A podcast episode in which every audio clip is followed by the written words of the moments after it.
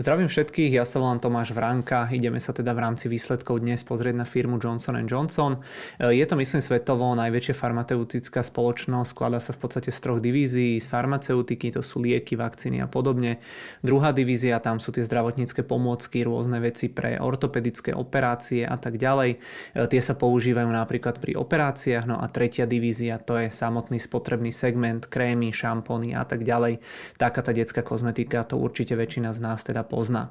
E, teória v podstate hovorí, že by mala byť teda táto aj podobné firmy odolné voči nejakej recesii, zdravotníctvo a ten spotrebný tovar sú relatívne neelastické tovary a služby, ale teda samozrejme spotrebitelia môžu e, v prípade potreby šetriť aj na týchto veciach. Takže poďme sa teda e, pozrieť ešte pred začiatkom na disclaimer, ktorý hovorí, že obchodovanie alebo, rizik, alebo investovanie sú samozrejme rizikové a taktiež tu potom máme aj výzvu na odber nášho YouTube kanála, pokiaľ sa vám táto naša tvorba páči, budeme určite radi za každý odber, komentár alebo like. E, samotné výsledky Johnson Johnson e, pred chvíľočkou vyreportoval zisk na akciu 2,55 dolára, čakalo sa 2,52 dolára, takže prekonali odhady o nejaké 1%. E, tržby 23,79 miliardy, čakalo sa 23,46 miliardy, prekonanie o nejakého 1,4%, takže dá sa povedať, že tie výsledky boli v súlade s očakávaniami. Medzi Medziročný rast tržieb celej spoločnosti bol na úrovni 2%, medziročne však mal Johnson Johnson mierny pokles zisku. Celkový net income bol 6,78 miliardy dolárov, pred rokom to bolo 6,97 miliardy dolárov. EPS 2,55 dolára, takto pred rokom tá upravená hodnota bola 2,6 dolára, takže pokles o približne 2%, ale teda to bola tá upravená hodnota toho zisku a neupravený zisk rástol. E, poďme sa teda teraz pozrieť na tie jednotlivé segmenty. E, začnem teda tou farmaceutikou, to je v podstate z tých e, troch segmentov, ktorý firma reportuje jednoznačne najväčší. Z tých 24 miliardových tržieb vygenerovala tá farmaceutika až nejakých 13 miliard, takže viac ako polovičku.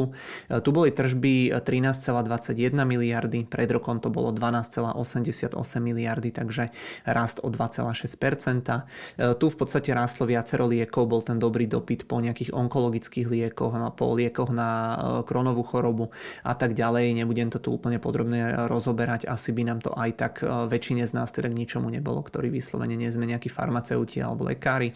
E, tu v podstate ešte hovorili, že v rámci tohto segmentu sú si istí ďalším rastom na zhruba 60 miliard v roku 2025, takže tu to bolo celkom, celkom také pozitívne, čo sa týka výhliadok vedenia. Potom druhý segment, to je segment tých zdravotníckých pomôcok, tie zdravotnícke zariadenia, tie vygenerovali 6,8 miliardy amerických dolárov.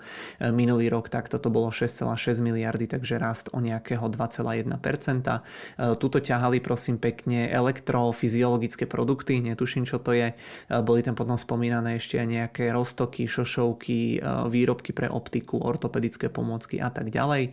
Tu tiež predstavovali nejaké nové produkty, takže viac menej je v tomto segmente všetko v poriadku. No a ten posledný tretí segment, ten je najmenší, to je ten spotrebný tovar. Tržby 3,79 miliardy, minulý rok to bolo 3,81 miliardy, takže mierny pokles o 0,4%. Raz tam ťahali voľnopredajné lieky na dýchacie cesty, nejaký Tylenol, analgetika, e, patrí pod nich aj tá značka Neutrogena a tak ďalej. E, ak sa potom pozrieme na regionálne rozloženie alebo rozdelenie tržieb, tak v zásade tržby z Ameriky boli 12,45 miliardy dolárov, tie rástli medziročne o 4,1%, medzinárodné medzinárodné tržby 11,4 miliardy, pokles o 0,3%. E, potom, keď tie medzinárodné ešte rozmeníme na drobnejšie, tak e, Európa klesla o 1,1%.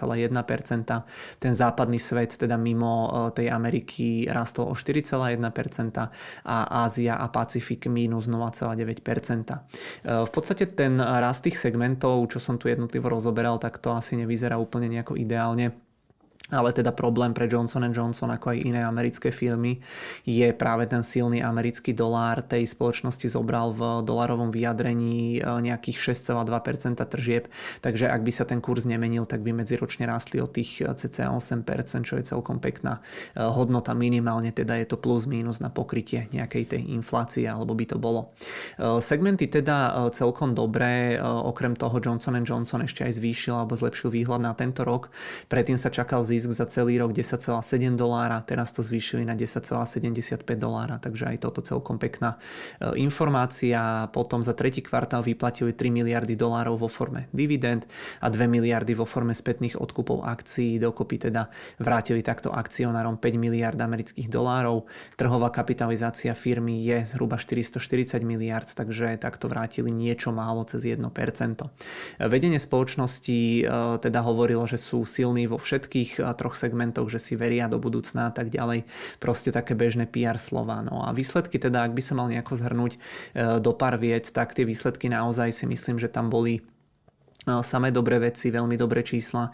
Nevidel som tam viac menej nič nejaké, nejaké negatívne, jediná vec, ale to je v podstate makro, je ten silný dolár, to nie je ako systémový problém v rámci tej spoločnosti.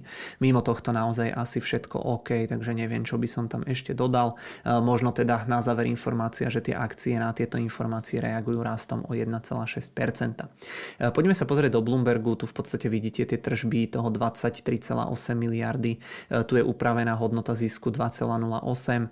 Čísla za celý rok, za tento rok sa očakávajú tržby 95 miliard. EPS by malo byť, to je ešte tá neupravená hodnota zhruba nejakého 10,6 amerického dolára, takže vidíme, že aj zisk by mal rásť, teda aj tie tržby. Tuto sú potom tie čiastkové nejaké výsledky, tu môžete vidieť tie hlavné tri segmenty.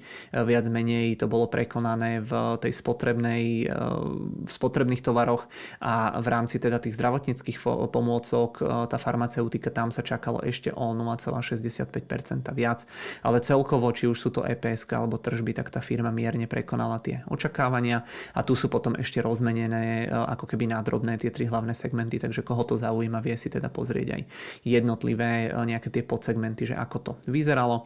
No a posledný screen z Bloombergu, tu v podstate, e, v podstate vidíme price earningy firmy Johnson Johnson, momentálne sa tu nachádzame na nejakom 20 násobku, takže nie je to najlacnejšie, ale teda tá firma sa pekne drží a jednoducho tieto silné značky e, teraz ukazujú, že jednoducho neklesajú až toľko ako ten trh, ale je to celkom slušná zľava z tých maxim, ktoré boli niekde okolo hodnoty 25, takže zhruba o petinu e, sú tie akcie lacnejšie. No a poďme sa ešte narýchlo pozrieť do platformy Xstation 5 takto nejako vyzerajú tie akcie. Ja ak to aj takto odrolujem, tak vidíte, že dlhodobo v podstate sa tej spoločnosti pekne darí.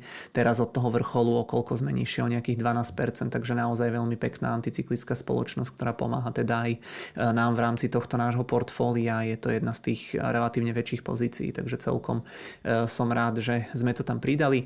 No a tu v podstate mali ešte veľmi pekne spracované v rámci spoločnosti tie materiály. Tu máte tie jednotlivé značky, nejaký krátky popis, jednotlivé jednotlivé segmenty, tu je to potom eh, rozobraté eh, v ako keby jednotlivé eh, tie podkategórie, tu potom vidíte nejaké tie základné čísla, ktoré reportujú, tu sú potom tie jednotlivé segmenty, tu je ten spotrebný tovar, farmaceutika, tu sú tie zdravotnícke zariadenia a tak ďalej, tu majú potom nejakú stratégiu alokácie kapitálu, takže určite odporúčam, ak vás tá firma zaujíma, pozrite, pozrite na to. No a to by bolo na teraz viac menej všetko v rámci tých výsledkov. Opäť som si pre vás nachystal tri otázky. Prvá, či si myslíte, že či tá firma bude odolná voči prípadnej recesii, ktorá je na obzore. E, či si myslíte, že pomôže Johnsonu e, ten spin-off e, tej divízie toho spotrebného tovaru, ktorý sa rieši alebo ktorý už bol dávnejšie spomínaný. A možno tretia otázka, že či vám príde ten farmaceutický biznis ako taký etický, či s ním nemáte proste nejaký morálny problém. V tejto chvíli ďakujem veľmi pekne za pozornosť. Budeme sa dnes pravdepodobne počuť ešte pri výsledkoch firmy Lockheed Martin. Pred chvíľou mi to cinklo, že už tiež reportovali, tak idem na to pozrieť a snad do nejakých 2-3 hodín by ste to mali mať nahodené. Zatiaľ teda ďakujem a budeme určite radi, pokiaľ nám dáte odber na sociálnej sieti YouTube alebo si prehráte naše predchádzajúce videá.